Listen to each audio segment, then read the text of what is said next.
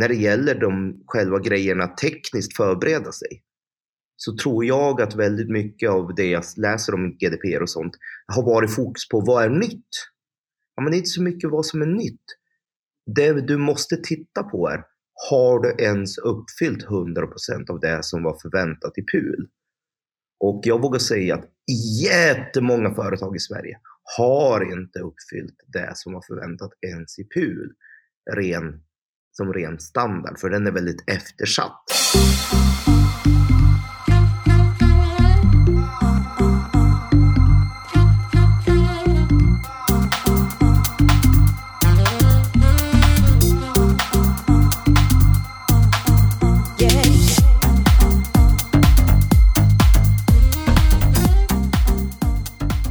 Välkommen till ännu ett avsnitt av Digital marknadsföring med Tony Hammarlund.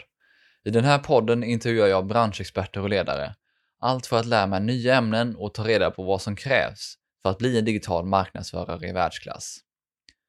Daniel Gustafsson och Kim Hindart arbetar på City Network som driver en IAS-tjänst likt Amazon Web Services. De driver också sedan ett år tillbaka GDPR-podden som riktar sig till tekniker, beslutsfattare och andra som i sin roll berörs av GDPR.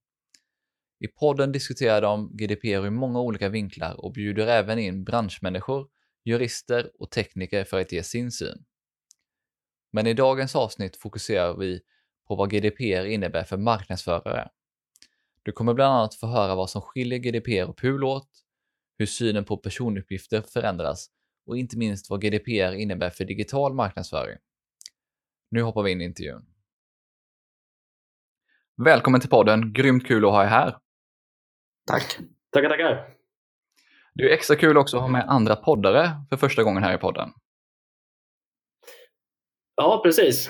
Eh, vi eh, normalt sett brukar husera i någonting som heter GDPR-podden som eh, vi på City Network har kört i snart ett år. Som har riktat sig mot tekniker, affärsbeslutsfattare och alla som berörs av GDPR som ny lag. Hur kom det sig att ni startade liksom podden från första början där? Var var fröet någonstans? Ja, det började egentligen med att vi själva insåg att det här kommer bli viktigt för våra kunder. Eh, vi driver ju en IAS, alltså infrastruktur som tjänst, ett, ett motsvarighet till Amazon AVS, fast i Sverige. Eh, vi har eh, x antal tusen kunder som ligger och kör sina tjänster i vår infrastruktur och vi vet att det här på ett eller annat sätt kommer att påverka dem. Och där satt vi och funderade på hur vi skulle göra en vettig marknadsföring för vår egen skull och även då kanske lyfta ett intresse bland våra, våra kunder så att de förstod hur det här hänger ihop. Eh, när vi gick ut och tittade på marknaden som fanns så var det ganska så allmän information om GDPR. Det var väldigt mycket så här funkar lagen, så här säger juristen och, och det, var, det var väldigt svårt att hitta något material som var liksom riktat mot, eh, inte, inte bara tekniken utan allmänt hur funkar lagen för mig? Så vi bestämde oss för att vi, eh, likväl som vi skulle kunna sitta och skriva en massa white papers och artiklar som förmodligen ingen riktigt skulle läsa eller kanske inte förstå, så ville vi öppna ett forum där vi diskuterar istället. Så eh, vi, vi tog beslut att starta upp en podd och se hur det skulle slå och det har funkat jätteväl. Eh, eh, enormt god eh, mottagelse på, på, för, våran, eh, för de avsnitt som är släppt, ungefär 14-15 avsnitt som vi har kommit upp i nu. Eh, så så det var ett sätt för oss att kunna hitta en bra marknadsföring för ett ämne som är egentligen ganska tråkigt om jag ska sätta handen, handen på hjärtat. Men det är viktigt och eh, jag tror att det är enklare att, att få, få ta till sig den nya lagen genom att höra diskussioner runt det, olika vinklar på det. Vi har tagit in branschmänniskor, jurister, vi har tagit in eh, tekniker som har fått eh, förklara från, från sin eh, syn på hur de tycker att nya lagen antingen kommer att slå på dem, vad de tror, vad de har gjort eller allmänna frågor. Vi har haft eh, avsnitt som varit rena qa sessions där, man, där vi har bara fått in frågor som vi har försökt besvara efter bästa förmåga också. Så att, ja, det, det var orsaken till varför vi började. Det har funkat jätteväl och tagits emot extremt väl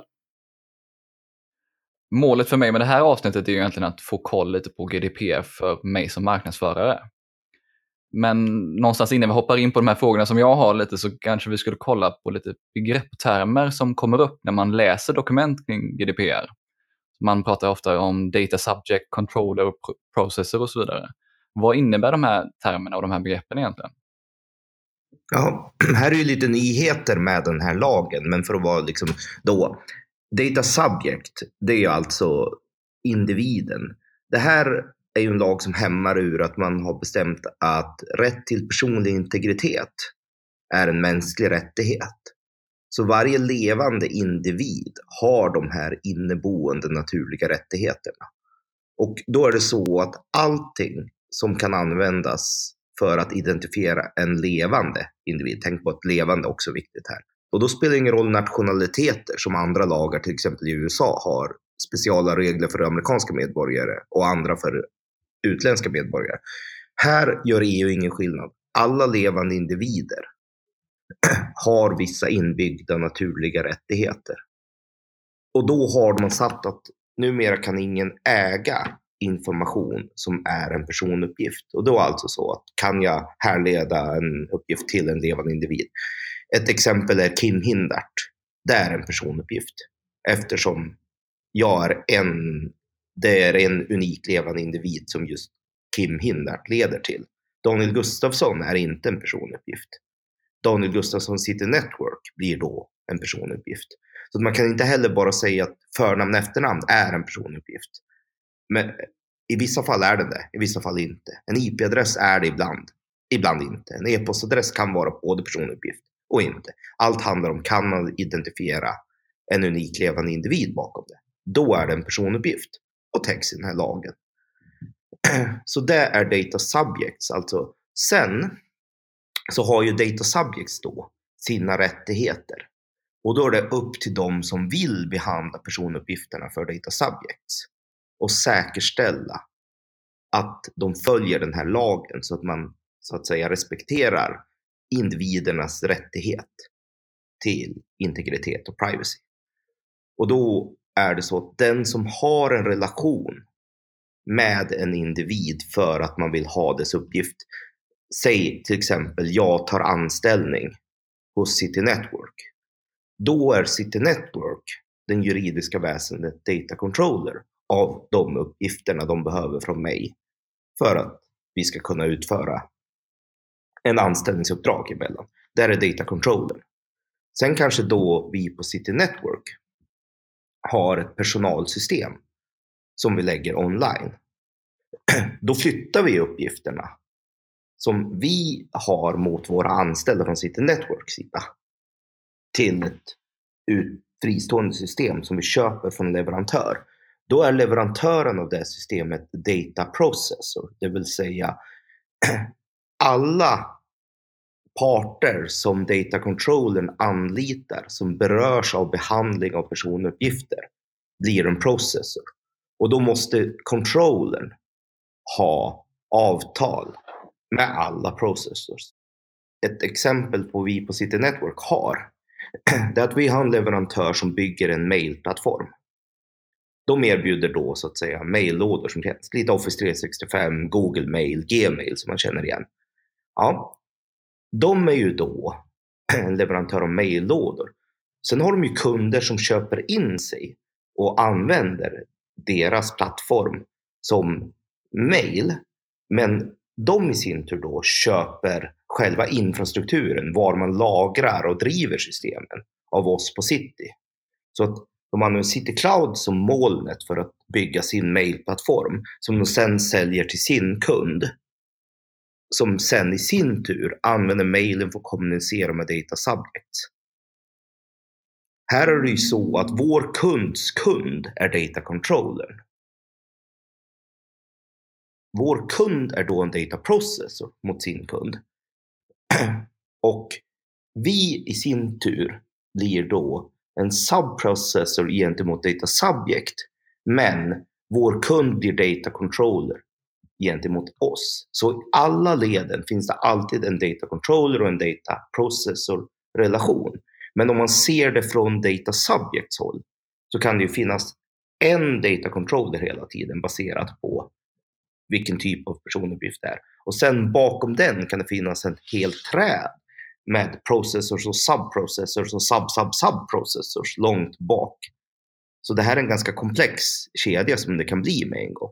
Men det är ju det här lagen säkerställer. Det finns alltid någon accountable. Det finns alltid någon ansvarig för behandlingen av uppgifterna och att säkerställa att de är lagliga. Ja, det låter ganska komplext. Ja, minst sagt. ja, det är det ju. Eh, alltså det är en komplex kedja och lite varför det här har blivit en så komplex kedja är väl kanske för att tidigare har det varit en väldigt okontrollerad kedja och det har varit ett problem därför att vi har inte haft samma vi har inte haft samma syn på eh, hur vi hanterar personuppgifter bara inom EU. Glöm USA, Asien och övriga världen. Om vi bara tittar på EUs 28 eh, medlemsländer så har ju alla haft en egen datalag. I Sverige så hade vi personuppgiftslagen. Eh, det är den som ersätts nu utav GDPR. Eh, och I alla andra medlemsländer så hade man sin egen datalag och det där var olika det var olika hård bedömning, det var olika hårda straffsatser, det var olika former av definitioner och det där blev väldigt, väldigt rörigt. Så grundorsaken till GDPR är att vi ska få ett regelverk rakt igenom, ett förhållningssätt. Baksidan på den medaljen är, lite som du säger, det kan bli en väldigt rörig kedja på sista raden för att vi måste ha koll på alla leden. Men det är ju också för att vi ska skydda eh, eh, individen från att kunna bli utsatt för eh, ja, ett missbruk av dess, av dess identitet. Så att eh, andemeningen är, är väldigt, väldigt god. Vad är då de stora sakerna som skiljer GDPR från PUL som har funnits tidigare? Framför allt så kan man ju säga att med GDPR så boostar man ju nu upp lite grann vikten av det här. Det EU vill är ju att man ska ta det här på allvar. Allting börjar ju med att man kunde, gjorde en analys på amerikanska bolag och såg att amerikanska bolag var betydligt mycket mer omsorgsfulla och rädda om att inte vad heter läcka personuppgifter rörande amerikanska medborgare. För där fanns det väldigt mycket liabilities, alltså de kunde få skadestånd för det. Medan europeiska medborgare, det brydde man sig inte ett skvatt om. De la man i praktiken liksom öppet för vem som helst att läsa och titta på. För det skadade inte dem, det fanns ingen risk in, inkopplad med dem. För det här är ju grejen att, som vi märker väldigt mycket nu, nu har man ju börjat observera att GDPR är en lag att ta på allvar. EU menar allvar med den här lagen. EU är fullt beredda på att genomdriva den här lagen och börja utnyttja dess straffsatser ganska hårt. Som är stora nu, mycket stora, men inte i närheten av de skadestånd som döms i USA, märk väl. Så alltså. där, där är ju en sak. Men när det gäller de själva grejerna tekniskt förbereda sig, så tror jag att väldigt mycket av det jag läser om GDPR och sånt har varit fokus på vad är nytt? Ja, men det är inte så mycket vad som är nytt. Det du måste titta på är, har du ens uppfyllt 100% av det som var förväntat i PUL? Och jag vågar säga att jättemånga företag i Sverige har inte uppfyllt det som var förväntat ens i PUL ren, som ren standard, för den är väldigt eftersatt den standarden. För att det inte varit straff bakom det. Det har inte varit någonting farligt bakom det. Och då har man medvetet satt efter det. Jag vill säga att de företag som har följt det gamla direktivet i punkt och pricka har hållit ordning på allting, har haft allting på plats.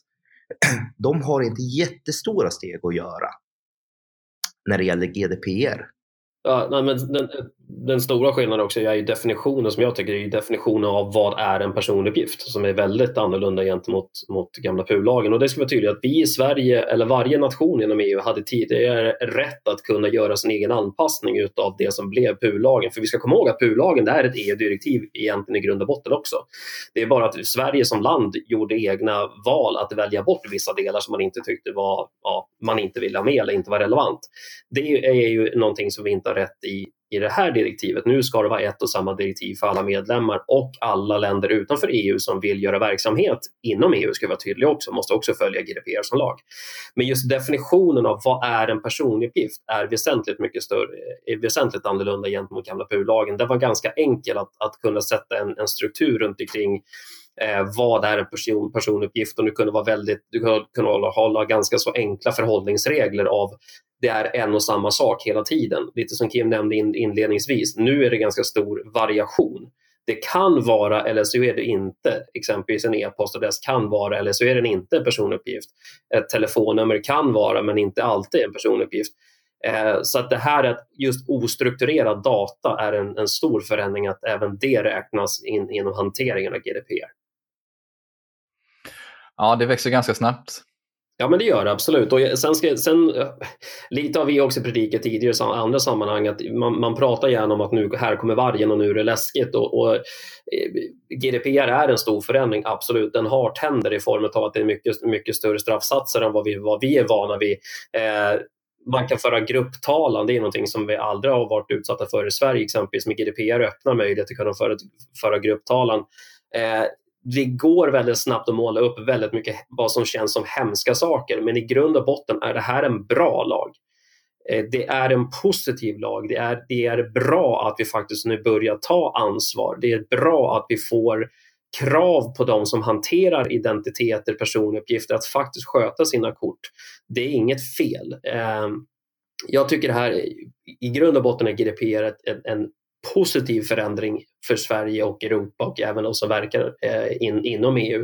Eh, sen kan man gärna måla upp, och man gör gärna det för att man ska få en, en, en, stor, en stor snackis och något att prata om. Man, man tar gärna de hemska sakerna först. Men det finns väldigt mycket positivt med GDPR som jag tycker man borde bli bättre på att lyfta också. Och då kommer vi in på det här för mig som marknadsförare, för det har varit väldigt mycket fokus på datadriven marknadsföring de senaste åren. Så hur påverkar GDPR hur vi samlar in och använder data i digital marknadsföring i sin tur?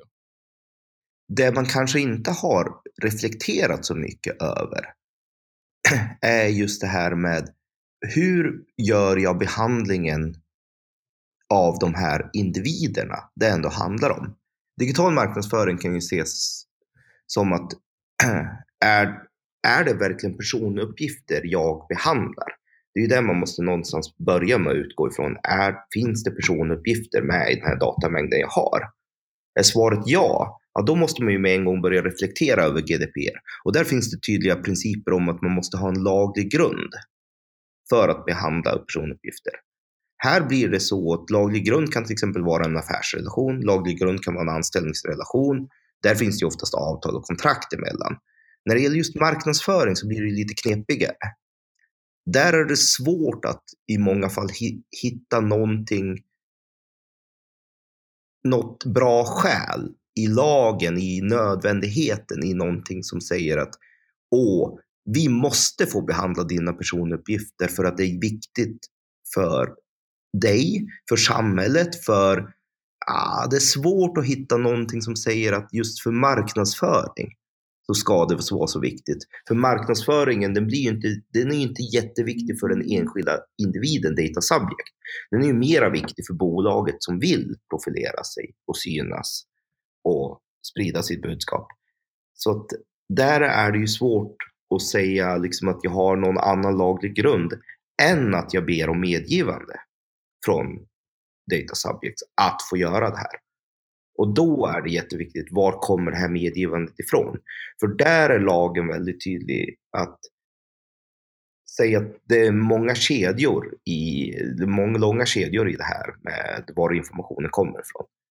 Jag kanske skriver upp mig på en kampanj och säger ja, jag godtar att ni skickar information. Jag trycker här och så får jag den informationen.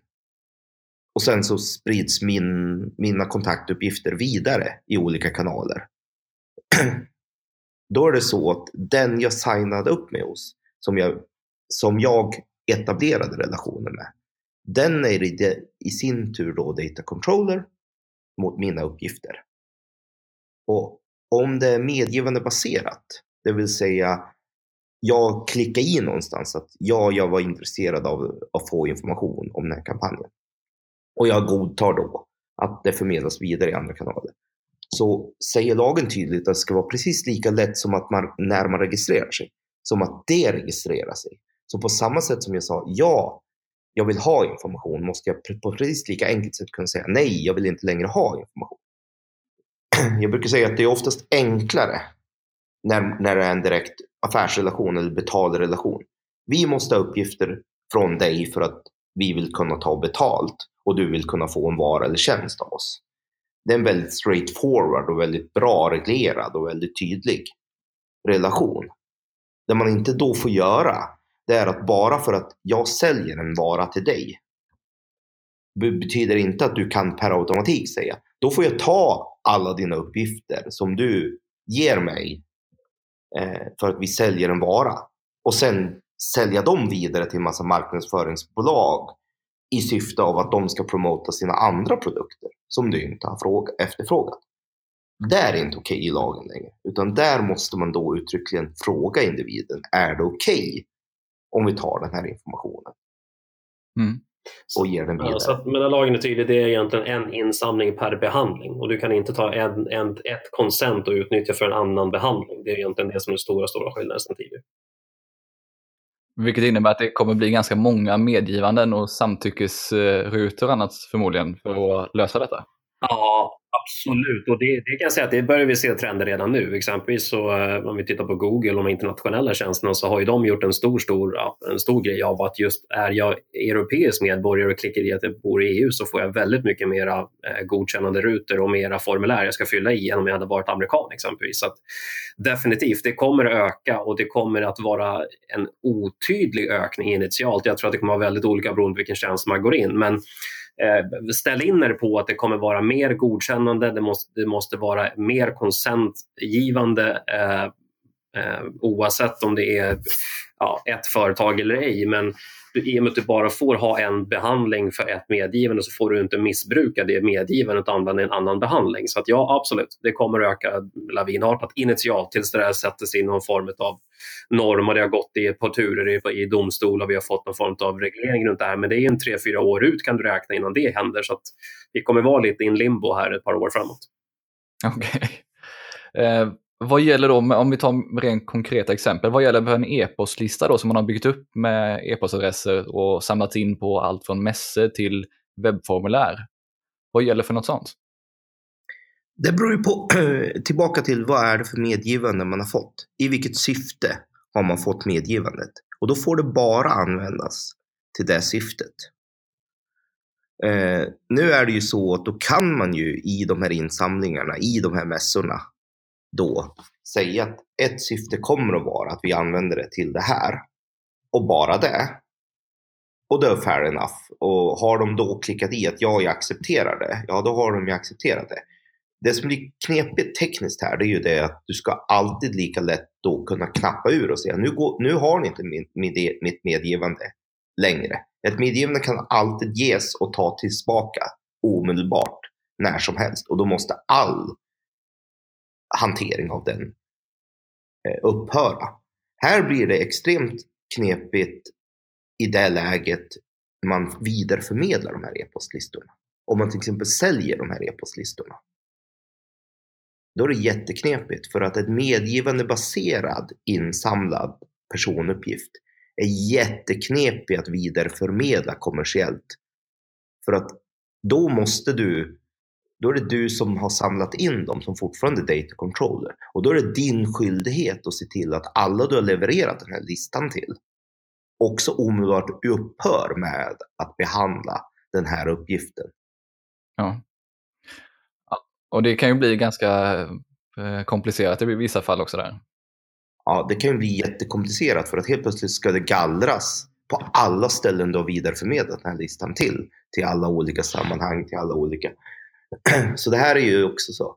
Sen så är det ju extremt knepigt då att eh, i vissa fall så är det okej okay att samla in. Men sen så med en gång så kan man ju ha den här speciella kategorin uppgifter som gör att saker kan bli väldigt känsligt med en gång. Och det finns en speciell kategori uppgifter som säger att minderåriga, folk under 16 i Sverige, är en speciell kategori. Det finns en sådana här saker som handlar om att kan man på något sätt till, spåra en tillhörighet till facklig åsikt, politisk åsikt, religiös åskådning, sexuell läggning, medicinskt tillstånd, sjuktillstånd. Det är också sådana här uppgifter som kallas känsliga uppgifter. Och där blir det extremt knepigt också, så den kan vara så att säga ännu hårdare. Så här blir det ju också väldigt knepiga grejer. Därför att om du till exempel i en marknadsprofilering vill profilera läkemedel, eh, saker som på något sätt har med hälsa att göra. Då är du inne på väldigt känsliga områden för då kommer du man åter tillbaka till den väsentliga frågan. Vad är det då som har fått dig att vilja profilera de här individerna? I det. Och då kan det relatera, om det relaterar till att du på något sätt har någon form av koll på deras hälsotillstånd, då är det extremt känsliga uppgifter. Och det har stora konsekvenser. Då. Vad, vad innebär det om man nu får in känsliga uppgifter, i det här fallet med läkemedelsreklam? Om man nu får in några uppgifter som då kan klassificeras som känsliga uppgifter, vad behöver man göra då? Det som, är, eh, det som man bör göra då, det är ju att verkligen, verkligen säkerställa finns det en laglig grund för den här behandlingen? Framförallt då särskild, eh, när det gäller särskilda uppgifter så är det så att då är det bara medgivande som gäller. Och då är man tillbaka till att ska man behandla dem så är man medskyldig i att upprätthålla lagen. Eh, jag brukar jämföra det här lite grann med eh, Blocket och de här annonsplatserna. De har en medskyldighet att inte bidra till att sälja stöldgods. Eh, så att om det kommer in annonser som man ser uttryckligen är orimliga, då har man också en skyldighet. Då kan man själv bli dömd och åka på ganska mycket stryk av att man inte har med, försökt medverka till att folk följer lagen, så att säga. Så att du kan helt plötsligt då hamna i en viss polisroll, vilket är jätteknepigt. Men det finns tydliga sådana att du får inte bidra till att begå brott om det är alldeles för uppenbart att det här är inte okej. Okay. Så att väldigt känsliga uppgifter vill man gärna ha en försäkran om att finns alla medgivanden på plats mm. innan man behandlar dem. Och sen så blir det ju som sagt extremt knepigt de här, i de här gångerna då, man, då det är en part som samlar in för att sedan vidareförmedla till en annan part som sen i sin tur kanske använder det i en annan behandling. Allt det här måste ha gjorts extremt tydligt hur det går till och vem som gör vad i behandlingen gentemot data subjecten. Och data subjecten kan i allting medgivande baserat när som helst säga ja, men nu är det inte okej okay att vi gör det här längre. Och då måste den upphöra. Och då måste den dessutom då upphöra i alla leden vidare. Så att det krävs ganska stora kommunikationer av just medgivande i de här sammanhangen. Speciellt när vi kommer till marknadsföring och speciellt när vi kommer till marknadsföring med känsliga uppgifter. Mm. Så den disciplinen finns det ju inga satta system, övergripande och universella system för idag. Och det är här jag tror det kommer att bli problem under många år innan man har någon form av enhet branschmässigt tillsammans hur man vill göra det här. Men sen också just det här med direkt, alltså direkt marknadsföring mot minderåriga, det var ju, det var ju inte okej under, under eh, svenska PUL, alltså den nuvarande PUL-lagen heller, så det är ju ingen större förändring, utan det är bara att definitionen av sensitive information, alltså känslig information, är just minderåriga en, en stor del av. Så att eh, det faktum att en e-postadress idag kan vara en personuppgift. En IP-adress kan idag vara en personuppgift om den går att härleda till en unik levande individ. Om den i sin tur då härleds till en, en minderårig som det är, alltså under 16 år, då måste alltså mamma och pappa ha godkänt den behandlingen. Då, är inte, då har inte barnet själv rätt att säga jo men jag vill absolut och du får heller inte rikta den informationen direkt mot dem heller. Så att, eh, det här ställer saker och ting på sin spets av att traditionella medel så som vi alltid, alltså, jag brukar säga så här har vi alltid gjort, det är någonting man måste slänga ut, ut genom fönstret ganska snabbt och så måste vi börja tänka om, hur ska vi göra nu istället? Det är en jätteviktig frågeställning för alla bolag oavsett om det handlar om marknadsföring eller vad man nu eh, bedriver för, för data processing. Att hur vi än har gjort innan, så med största sannolikhet så kommer det inte kunna hålla vatten under, under GDPR om man inte var jätteslavisk under PU-lagen och, sköt, och liksom skötte den till 100 procent. Men man behöver sätta sig ner, man behöver, man behöver se över sina rutiner, man måste definitivt se över sina, sina avtal mellan, mellan sig och underleverantörer. Kedjan för hantering, kedjan för processing måste definitivt ses över. Och sen framförallt så måste alla bolag som processar personliga uppgifter sättas ner och, sätta, och göra en, en riskbedömning om om vi gör på det här sättet, vad löper vi potentiellt för risk och är vi då beredda att ta den risken och är svaret nej, ja då måste vi hitta en annan väg fram till, fram till källan så att säga. Om man hoppar tillbaka lite till den digitala marknadsföringen, framförallt sådana frågor som jag ställs inför nu, det är ju vi var inne på det här lite med att man måste ha ett medgivande för varje enskilt tillfälle någonstans uppgiften används. Hur är det då med en sån här sak som custom audiences på Facebook där man ofta har en, någon typ av lista som man laddar upp för att också kunna skicka annonser mot användare? Ja, här är det ju en väldigt, väldigt intressant grej. Därför att Facebook i sig kommer att vara ett jätteintressant väsen. Eh, därför att där måste man ju någonstans göra bedömningen, är Facebooks insamling av medgivande på det sättet de gör det ens lagligt? Och det kommer att bli utmanat i rätten ganska många gånger. Och jag skulle inte vilja betta mitt bolags rykte och välmående på att jobba för mycket med saker jag fått från Facebook där det finns ett jättestort frågetecken om det är ens lagligt. Det medgivande Facebook har begärt att få just för target audiences som i den bemärkelsen. För det är lagligt i det land Facebook verkar, nämligen i USA, absolut. Jag skulle nog kunna påstå att jag kan hitta flera, flera skäl till varför man skulle kunna utmana det inom EU-rätten ganska hårt. Och EU skulle vinna. Därför att där gör man inte medgivandet, det ger man mer en blank check. Att de som utnyttjar den här listan, du godtar att få information från dem. Ja, men det handlar om hur blir mina uppgifter behandlade? På vilket sätt? Och är det en kategori av känsliga uppgifter eller inte? Den tar inte Facebook riktigt hänsyn till. För till, tillbaka till just det här hälsotillstånd. Ja, men då får du inte bara behandla dem hur som helst, utan du måste ha ett väldigt tydligt direktmedgivande. Och här blir det ju knepigheten att det bolag som vill behandla uppgifterna har alltid skyldighet i tydlighet gentemot individen, data subject. Ponera att man då har en e-postlista som vi var inne på tidigare. Man har en e-postlista som man laddar upp i Facebook för att kunna använda den listan för att skapa Facebook-annonser.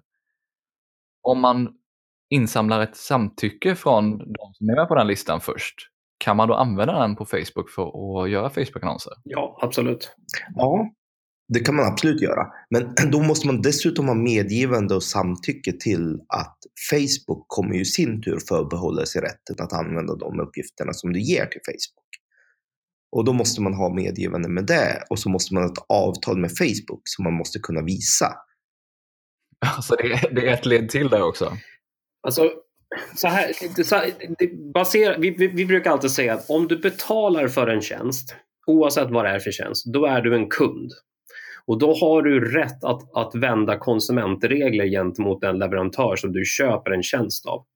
Väldigt mycket på internet idag som vi, använder, som vi nyttjar är gratis i form av att det är gratis att ladda upp, det är gratis att använda, det är gratis att förmedla och, och sen så är det gratis, står det klart och tydligt. Egentligen är den inte gratis, den du betalar med någonting.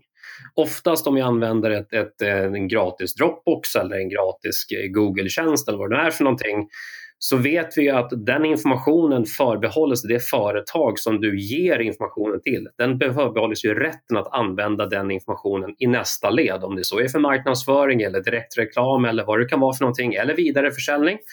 Och det har ju du ingen kontroll över. Så det faktum att du har fått ett konsent av att, ni, att du använder eh, listan av e-postadresser som du laddar upp, den är okej. Men sen är ju det nästa faktum, har du, har du någon rätt att kräva någonting i det, här fall, utav, i det här fallet Facebook exempelvis? Är det en tjänst du betalar för, då har du konsumentlagar på din sida. Då måste de förhålla sig till ett, det faktum att du har gjort ett köp och du kan ställa ett krav på att för att jag ska kunna använda det här så är det baserat på X, Y, Z. Det vill säga att jag kräver att ni hanterar mina uppgifter på ett korrekt sätt. Om det är en gratistjänst så har du inte den rätten. Då är du en del utav, utav produkten. Så att betala för en tjänst och du är en kund. Lägg upp någonting på en gratistjänst och du är en del av produkten. Så att det här är jätteviktigt. Ja, och det är ju så. Och där ska man vara tydlig med att så länge jag som data subject, jag som individ betalar med mina egna uppgifter, min egen identitet, integritet för att få tjänster från olika företag. Det är ju helt okej, okay, för då är det hela mitt då är det min personliga uppgifter som, mina personuppgifter som jag själv väljer att betala med för att få en tjänst tillbaka. Fair enough, inga konstigheter. Men det som blir extremt tydligt i den här lagen och där man som stort bolag kan råka på jätteproblem är ju det att du som bolag, juridiskt bolag som till exempel marknadsföringsbolag har inte rätt att köpa tjänster av Facebook med andras personuppgifter. Förstår man, eh, om man förstår skillnaden där. Så att du får inte använda andra person, individers personuppgifter som betalmedel mot de här sociala drakarna, vilket är helt okej okay i USA och andra länder de kommer ifrån. Där bryr de sig inte om om det är individen direkt som ger en massa uppgifter eller det kommer från ett jätteregister från en företag. De är jätteglada bara de får in individers uppgifter för att kunna behandla dem och analysera dem och få stor analys. Men här är det ju tydligt i lagen den enda som har rätt då att säga att ja, ni kan sälja mina personuppgifter är den registrerade själv och ingen annan. Så du har inte rätt att använda andras personuppgifter. Som valuta. Som betalmedel. Koppla lite till det vi var inne på tidigare med liksom listor och custom audiences och så vidare. Vad gäller då för retargeting? För det är ju någonting som används i många olika fall. Någonstans så har man ju då en idé om att varför är de här uppgifterna någonting jag ens vill behandla? Så att den insamlingen har ju skett på någon, någonstans. Den analysen har ju skett. Och då är ju frågan, har den analysen skett på ett sådant sätt som är laglig? Har den analysen skett på ett sådant sätt som är i samtycke med de individer som är där? Har den analysen skett på ett sådant sätt som gör att de har gett sitt medgivande till att jag kan vara ett, ett föremål för retargeting? Om man ponerar så här, någonting som är ganska vanligt bland e-handlare är ju att man har sin, eh, sin kundvagn. Personer som lämnar saker utan att gå vidare till kassan skickar man sedan retargeting-annonser mot. Hur funkar något sånt under GDPR? Ja, det är ju tillbaka till, som ni säger, tyvärr det rena politikersvaret. Det beror på. Men jag tänker ju så här att om jag klickar i en kundvagn eh, och inte har lämnat någon form av uppgift, hur kontaktar ni mig? Och sen får jag massa retargeting material från att kundvagnen på den här sajten eh, vill att du ska fortsätta. Ja, då har man ju på något sätt fått tag på mina uppgifter. Då har man ju vidare behandlat saker utan mitt medgivande. Men om jag registrerar ett konto på en sajt och sen klickar i en kundvagn och sen lämnar den ofullständig och inte går vidare ja, då kan man ju i det sammanhang jag registrerar en, en kund, eh, ett konto säga att vet du vad, här så att säga eh, får du medgivande. Vi kommer att behandla vissa saker så här. Men då är det upp till dem på sajten när jag ska ge mitt medgivande och vara väldigt tydlig med vad är medgivandet, hur kommer det gå till. Eh, en inte helt ovanlig sak är ju till exempel de stora elektroniska varuhusen det är ju också det här att om jag tittar på en speciell produkt så får jag massa riktad annonsering från dels den produkten jag tittar på eller liknande produkter jag tittar på eller liksom så här. Och det är också en sån här ganska enkel grej man kan göra medgivanden av att jag går med på det. Men då är vi tillbaka till det här. Då måste jag också kunna snabbt säga att nej, jag går inte med på det också. Och sen så blir det mm mm. Det, alltså, det som används väldigt frekvent idag det är ju cookies och spårning på IP-adresser exempelvis. Det vill säga att, ja, clickbaits. Du, du, mm. beroende på vart du klickar så kan jag se, jag kan se din trace på hemsidan, vart det är vart att titta, vilka typer av produkter är du intresserad av och bara det utan att jag vet vem du är. Men jag kan tracea det på, på cookies eller jag kan tracea det på IP-adresser och på något sätt så kan jag spåra dig och den, vem, vem du var. Den behandlingen är inte okej okay om jag inte har med medgivande till det till Kims poäng har jag reggat ett konto med uppgifter. Här är jag eh, eh, e-postadress, det kanske till och med är en fysisk adress, vad det är för någonting. Då har jag, jag har gjort en aktiv handling för att jag vill vara på den sidan och i, i, den, i den kontohanteringen är det väldigt enkelt att baka in att vi kommer kunna använda dina ja, vi kommer kunna se vart du har varit. Vi kan använda en, en retargeting eller vi kan skicka annonser och det måste vara okej okay för att du, du ska få skapa kontot överhuvudtaget. Det är den här backtrack-spårningen som kanske har varit tidigare av att um, jag har ett Gmail-konto som jag inte betalar en krona för och så är jag jätteintresserad av Adidas produkter och sen så när jag surfar runt på massa Adidas produkter så får jag i mitt Gmail riktad Adidas-reklam. Det är ju ingen slump hur det gick till. Liksom så. Eh, det är väl mera den som kan vara eh, iffy. Liksom så. Iffy kommer kom man kunna använda den typen av, när man pratar då att man inte registrerar konton på e-handlare i detta fallet, kommer man som e-handlare kunna använda retargeting? Återigen, alltså, allt, allting med GDPR handlar ju fortfarande, det ska vi också vara tydliga med om vi inte har sagt det innan, att jag måste ha lidit skada. Det, det, är ju, det är ju på den nivån, det vill säga att om mina personuppgifter kommer på, på villovägar och jag lider skada av det, det är ju först då jag har en claim överhuvudtaget. Om jag inte har lidit skada, det har inte hänt någonting, jag kan inte påpeka att liksom jag eller min familj eller någon annan mår dåligt eller jag på något sätt har kommit i kläm, ja då har jag heller inte ju, du kan heller inte åberopa GDPR som en lag och säga titta vad det elaka företaget gjorde mot mig. Utan det handlar om att jag som person har blivit lidit skadad. Exempelvis min identitet har blivit röjd. Jag hade en dold, ehm, en dold hemadress eller vad det kan vara för någonting därför vi, eh, vi, vi har en skyddad identitet och den kommer på villovägar. Det är ju ett infringement som är mycket, mycket, mycket värre. Eh, så att eh, ja, jag tror absolut att vi kommer kunna fortsätta använda sådana typer av ehm, utan sådana typer av funktioner.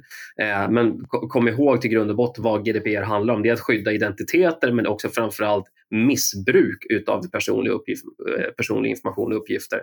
Och där är vi tillbaka till det här med vad är syftet till varför du gör det?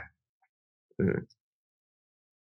Och det är ju den som är lite tillbaka som man måste någonstans eh, väga och här kommer det ju att vara sådana här rena. Jag, jag vet att jag suttit med ett företag som säger att de kommer på fullaste allvar att köra hårt på att det finns en laglig grund att falla tillbaka på som säger intresseavvägning. Och då kommer de att hävda i domstolen att vår intresseavvägning av att öka vår vinst överväger intresseavvägning att hämta samtycke från individerna. Som mm. den, disk den diskussionen hade ju du Joakim på i en av våra poddavsnitt tidigare just att om ett sådant företag tar den stansen, mm. eh, blir dragen inför en domstol eller en någon form av rättslig behandling och vinner, då är ju i princip GDPR över som lag. Så att det, där, det ska bli jätteintressant att se vad som, faktiskt, vad som faktiskt händer med de företag som tar den stansen. Att nej, vet du vad, våran, våran profit och våra, våra intäkter, pengar på banken, det är det viktigaste. Liksom så. Och håller den stansen fullt ut. Skulle, de, ja, skulle det gå i mål, ja då, då har vi ju det är det här, men det jag vill bara säga till alla företag generellt. Och så här, Gör inte det, för det är inget svårt att få samtycken. Många gör det till större problem som det är. Vi är extremt villiga att dela med oss, ska vi ju också vara väldigt medvetna om. Så att det är oftast inte svårt att sköta en snygg kommunikation. Men mm. det kräver att man sätter lite fokus och lite energi på att kommunicera. Men här finns det ju enorma också vinster, potential av att vara ett företag som sticker ut med att vet du vad? Vi gör det här nu på ett snyggt sätt. Vi tävlar med de här andra, men vi gör det här på ett snyggt sätt. Och de som kan visa att de håller och försöker respektera individers rättigheter, men ändå försöker hålla en modern och effektiv digital marknadsföring. De har ju ett enormt försprång gentemot dem som säger att vi vill inte anstränga oss, vi tänker fortsätta att göra det vi har gjort och inte tänka om hur gör vi det, men på ett sätt som är enhetligt med det här. Och det är ju bara så att de som är kreativa nog och smarta nog att komma på bra lösningar, för att det kommer att komma fullständigt bra och smidiga lösningar för det här. Det är jag helt övertygad om. Eftersom det finns en poäng att vinna i det, så att säga. Av att vara den som först gör det här smart. De kommer ju att komma mm. långt här. Så att det jag säger, det jag det jag säger att man ska akta sig för saker som till exempel Google och, an, och bara svälja information man får från Google. För Googles insamling av konsent behöver inte nödvändigtvis vara någonting som håller i en EU-rätt. Och det är ju den som jag säger man måste någonstans också göra en bedömning i sin egen riskmedvetenhet. Och då säger jag att den kanske är helt fair om det handlar om mattor, soffprodukter, tvättmedel. Eh, då kanske man säger, ja vet du vad, vad gör det? eh, det är inte så farligt och det är inte, folk kommer inte att bli upprörda, skada. När det gäller retargeting av impotensmedel, när det gäller retargeting av medel mot håravfall, när det gäller retargeting av eh, gay shops, när det gäller retargeting av eh, lästa artiklar på nyhetssajter som handlar en viss politisk åskådning. När det gäller retargeting av saker för att du varit inne på religiösa samfunds sidor och gjort saker. Oj, helt plötsligt, vilken skillnad det blev. Och alla med lite sunt förnuft kan ju helt plötsligt då förstå att det är skillnad på vad är källan, vad är det det handlar om. Liksom det är skillnad på sak och sak. Även om teknologin är densamma så kommer innehållet att styra hur känsligt är det. Och det är den som man måste inse. Att det går inte att säga den här teknologin, ja, nej. Den här, utan syfte, innehåll kommer också väldigt mycket att påverka hur känsligt blir det här? Vad är fallouts? Vad är potentiell fallout jag får för det här? Så i vissa situationer kommer jag säga ja, absolut. I andra situationer skulle jag säga nej, akta er rejält för vad ni håller Så det, på med. det beror väldigt mycket, som jag tycker när jag förstår, det beror mycket på vilken typ av produkt, vilken typ av bransch och tjänst och så vidare. Som. Absolut, och framförallt hur, hur individen på sista raden, det vill säga data subject, upplever eh, situationen. Vad kan, vad kan det bli för upplevd konsekvens av ett, av ett retarget av en specifik produkt eller viss lösning eller, eller om, om mina uppgifter kommer på vift som jag inte vill ska komma på vift. Eh, det kan bli jättetråkiga konsekvenser och vissa saker är, är helt legitima och vissa saker kan vara jättejobbiga. Vi, vi brukar säga magespegeltidning. Det, är lite, det känns det bra i magen? Är du beredd att se dig själv i spegeln och säga att ja, men vi gör det här och framförallt är du beredd att läsa om det i tidningen imorgon? Är det jag på alla dem, då kör man. Liksom så. Men känns det, känns det vet man vet att det här kan bli en jäkligt tråkig konsekvens om vi gör, ja då, då kanske man ska tänka två gånger just i sin, egen, i sin egen riskbedömning om det här verkligen var värt det. För som sagt, det är slut, så eh, det är data subject på sista raden som kommer att ha avgörandet om han eller hon tycker att han eller eh, dess, dess integritet och identitet har blivit kränkt eller inte. Vad innebär det här? Nu har vi pratat lite om Google och Facebook och så vidare. Vad innebär det här för vilka typer av verktyg man som marknadsförare använder i sitt jobb? Ja, det är ju tillbaka till som vi säger hela tiden. Verktygen i sig kommer att vara de samma och helt okej. Det man måste titta på det är när använder jag de olika? Det jag tror man måste vara beredd på det är att man måste anpassa både budskap, innehåll och verktyg till olika situationer mycket mera. Här kommer det att bli en hårdare och mera, mycket mera hård krav på duktig kompetens hos marknadsförare. Men det här ska ju alla marknadsförare egentligen se som en enorm opportunity. För att om det är så att en ren digital algoritm och rena digitala maskininlärda saker skulle kunna ersätta alla marknadsförare. Jag vet du vad, då har ju branschen dött. Då finns ju inte poängen med att ha dem kvar längre så att säga. Då, då är det ju en obsolet, ja. Så att där är det ju inte. Men eftersom sånt här kommer nu och ska tas i bedömning, ska tas i liksom, är det här känsligt eller inte? Kan det här få dålig fallout eller inte? Eh, är det här vettigt att vi gör? Så helt plötsligt nu så finns det ju enorm affärspotential och affärsvärde av vad en digital marknadsförare kan tillföra om de har en bredd. Eh, så jag tror att eh, det handlar mycket om att förstå att man kan inte vara, jag har använt ett verktyg på ett sätt hela tiden tidigare. Om det är det enda jag kan och jag inte tänker lära om, ja, då, då kommer det inte fungera bra i den nya världen som det här kommer. Men om jag säger att jag inser att den nya världen kommer att ställa helt nya utmaningar. Alltså såklart kan jag använda befintliga verktyg. Men jag kanske måste fundera på vilket sätt använder jag dem på? I vilken situation använder jag dem på? Kan jag bara fortsätta precis som jag gjort tidigare? Nej, det kanske jag inte kan göra. Det kanske kommer till nya förutsättningar när jag kan använda dem. och hur jag kan använda dem som jag måste titta på. Alltså här, här tycker jag det kommer till en stor del kommer tillbaka till företaget i sig. Alltså vi, vi, vi har pratat om det, vi har, vi har harpat om det tidigare i andra sammanhang, men user awareness är superviktigt inom GDPR, det vill säga jag som, an, jag som anställd och jobbar på ett bolag jag behöver få utbildning av mitt bolag. Vad kan jag göra? Vad behöver jag tänka på med den nya lagen? Oftast tyvärr så springer vi på, det, GDPR är någonting man pratar i, i företagsledningen. Kanske man pratar på, i produktleden, men de som faktiskt sitter och jobbar i systemen får väldigt lite eller ingen information om vad det här faktiskt praktiskt innebär för dem. Därför att den stora skillnaden gentemot PUL-lagen, om vi pratar skillnad mot den tidigare, är att jag som enskild individ och anställd på bolag har lika mycket ansvar som företaget i sig. Jag kan inte, jag kan inte gömma mig bakom en chef eller en avdelning eller en VD eller ett företagsnamn. Har jag medvetet begått en, en, en negativ handling enligt GDPR så kan jag bli personligt dömd och personligt eh, straffad enligt GDPR som anställd i företaget. Så att det är jätteviktigt att varje individ, varje anställd får utbildning. Vad har vi för verktyg? Hur funkar de?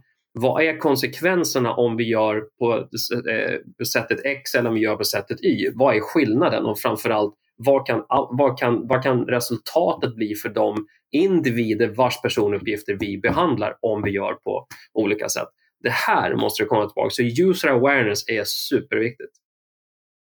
Um, här är du inne på någonting man kan bli personligt skyldig också i de här frågorna och att man pratar innan om böter på upp till 20 miljoner euro eller 4% av eh, global omsättning och så vidare. Hur rädd behöver man vara för det här som företag eller och som marknadsförare i mitt fall? Eh, jag tror, och det här är min personliga åsikt, så att eh, ta den för den här, men jag tror inte företagen behöver vara jätteorolig för de här mass beloppen på en gång. Eh, jag tror heller inte att varje individ ska liksom, man ska inte sluta jobba, man ska inte vara rädd när man går till jobbet. Det är, det är ju en av orsakerna till varför man behöver en DPO eh, eh, anställd på, på ett bolag som hanterar personuppgifter för att den personen är ju faktiskt den, det gränssnitt som jag som individ och anställd i bolaget ska vända mig till för att få guidning, hjälp i att, att faktiskt göra rätt. Eh, det jag däremot tror är att det kommer att statueras exempel. Det är jag helt övertygad om därför att det har lagts, det har lagts så mycket tid, krut och kraft på den här lagen. Precis som du nämnde, vitesbeloppen är väsentligt mycket högre än de var tidigare. Jag tror inte ett smack på att den 26 eller 25 maj eh, 2018 8.00 så kommer Datainspektionen springa runt i Sverige och bara kasta ut böter. Det tror jag inte en sekund på. Däremot så tror jag att man kommer att se över branscher som är kritiska och som man vet hanterar väldigt mycket personuppgifter.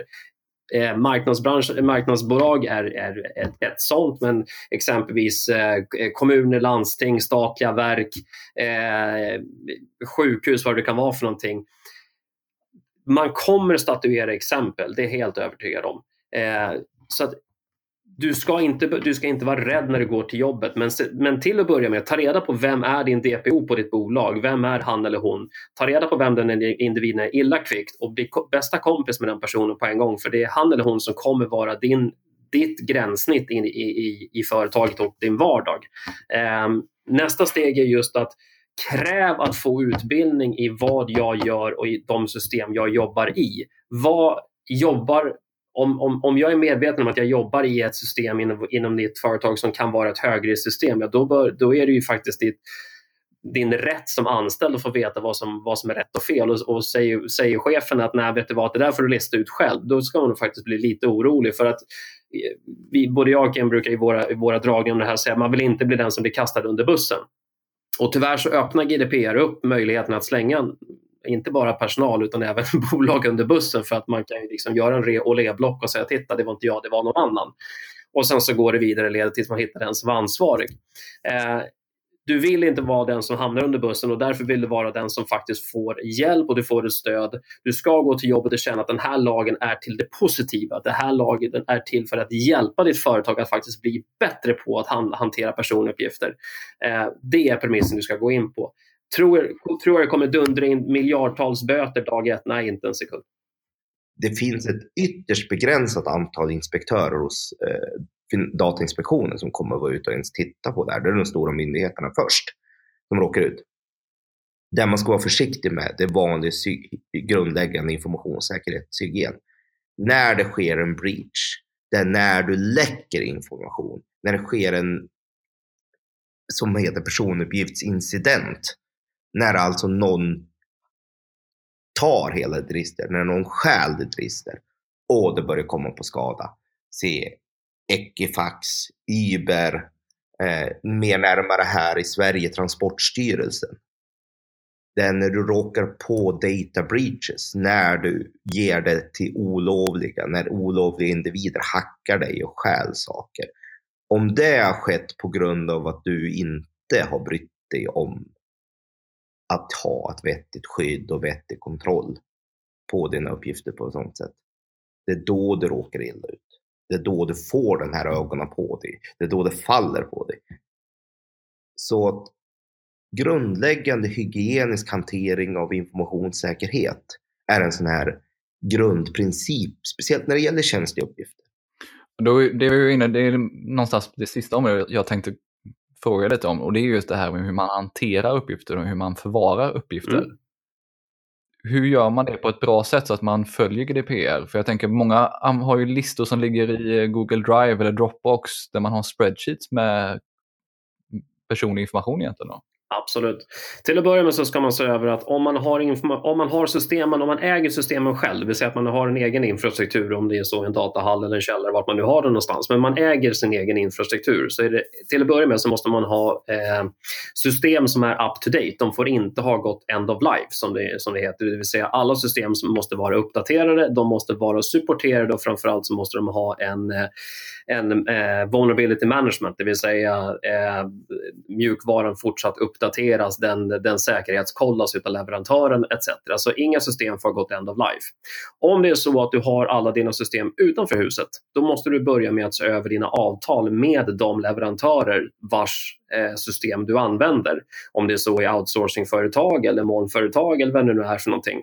Alla seriösa bolag som kör eh, någon form av informationssäkerhet eller eh, som säljer infrastruktur som tjänst eller hostingtjänster eller någon form av datalagring idag har möjlighet att erbjuda eh, avtal GDPR-anpassade avtal dessutom, eh, för där de redovisar för exakt hur deras data processing går till. Eh, de avtalen ska vara uppdaterade och de ska vara påskrivna av både dig och de som leverantör. Eh, och du som kund naturligtvis.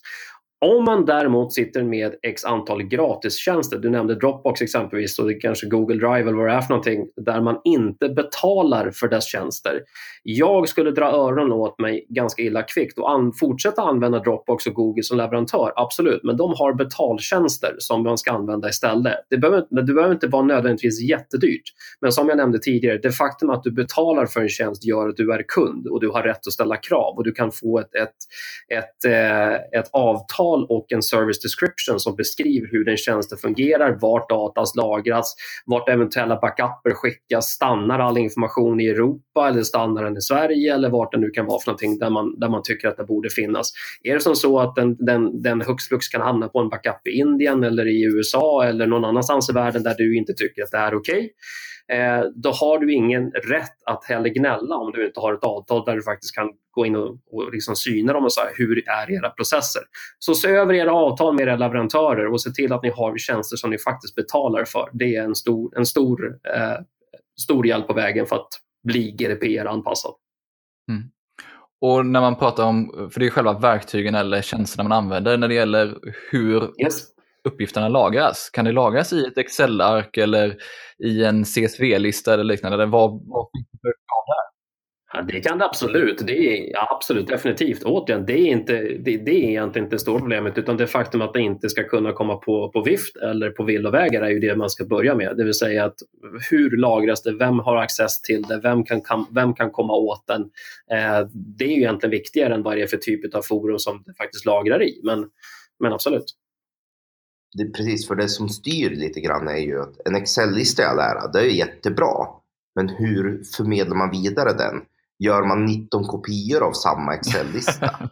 Då åker man på problemet med en gång. Vad händer om du måste justera en information i Excel-listan i sig? Vad händer då? Eh, hur ser du till att den informationen som behöver korrigeras blir korrigerad? På alla andra ställen när du börjar kopiera ut den för många ställen. När den börjar distribueras ut på för många ställen. Ju mer distribuerad verksamhet man har på det sättet, desto svårare blir ju det här.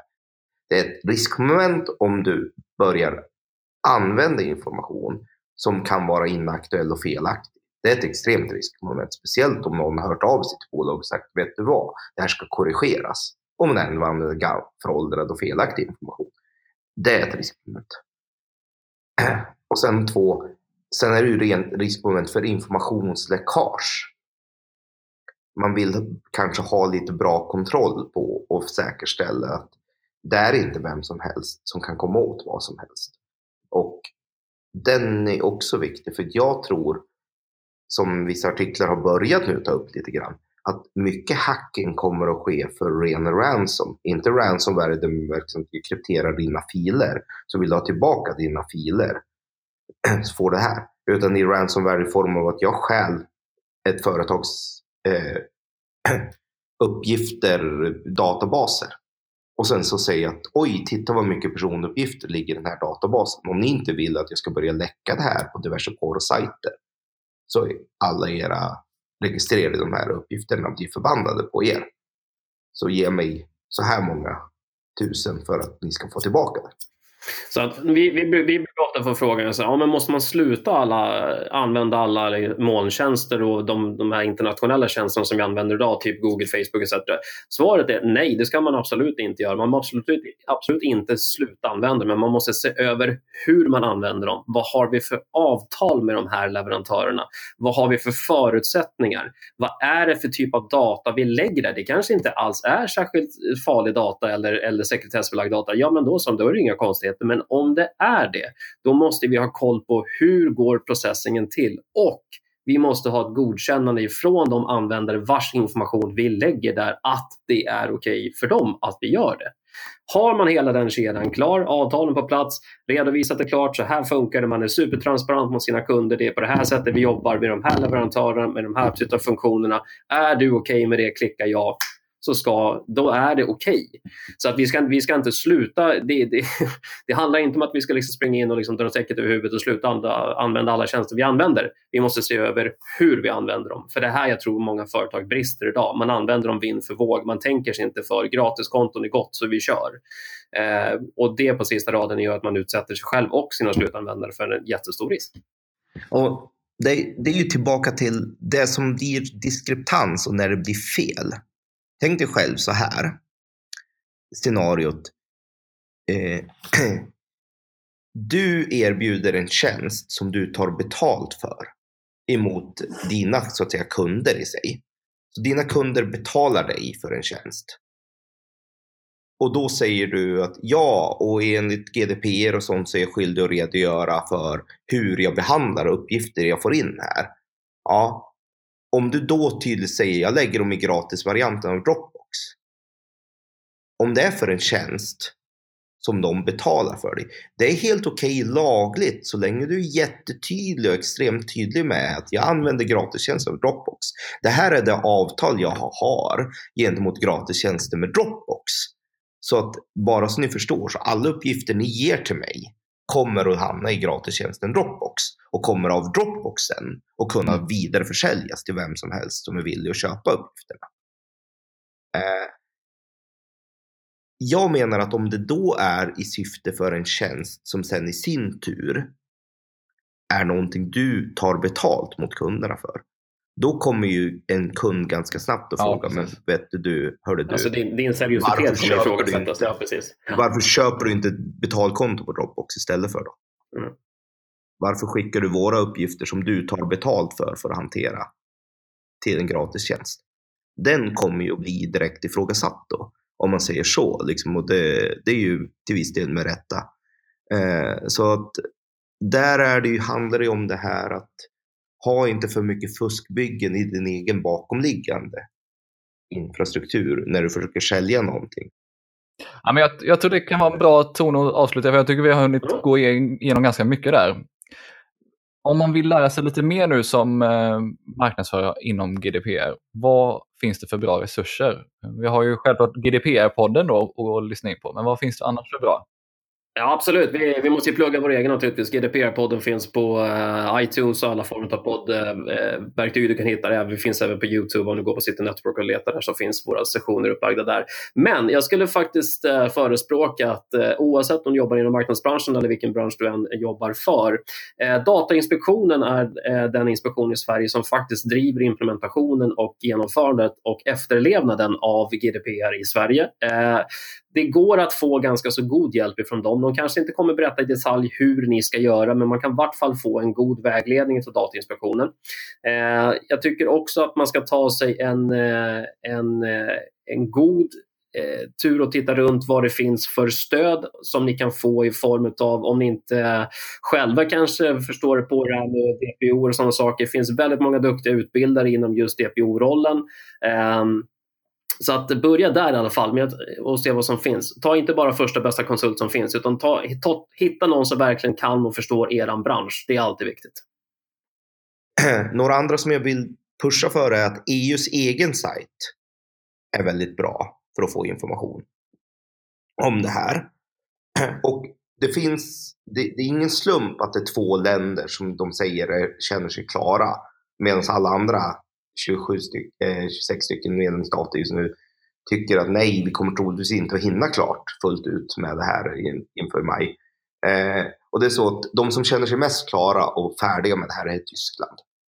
BSI har väldigt mycket jättebra information om hur de läser, tolkar och upplever saker och ting. Och då kan jag säga att om ni uppför er så på ett sådant sätt som tyskarna är nöjda med ur ren eh, hantering av privacy så är man på ganska god marginal på rätt sida om man så säger. För det, jag ser att det är få eh, andra länder i, utanför Europa som kommer att säga att tyskarna har fel. Ingen kommer att vara värre än tysken. Så titta på dem och lyssna på vad tyska BSI, deras motsvarighet till Datainspektionen, säger. Det är också en bra grund. Men EUs egen hemsida är faktiskt väldigt informativ och den ger en, en bra vägledning också till vart man kan titta vidare och hitta andra källor för god information. Mm. Mm. Ja, men vi länkar upp allting i poddinlägget här efter också så att eh, det kommer allting med där. Tack så hemskt mycket för att ni tog er tid att vara med i podden här. Tack så jättemycket för att vi fick vara med. Tack. Mycket intressant av GDPR där och jag känner att jag kommer behöva fördjupa mig ytterligare en hel del frågor. Du hittar som vanligt en sammanfattning av intervjun med alla länkar på tonyhammarlund.io och kom ihåg att prenumerera i din podcastapp så får du en notis så fort jag släpper ett nytt avsnitt.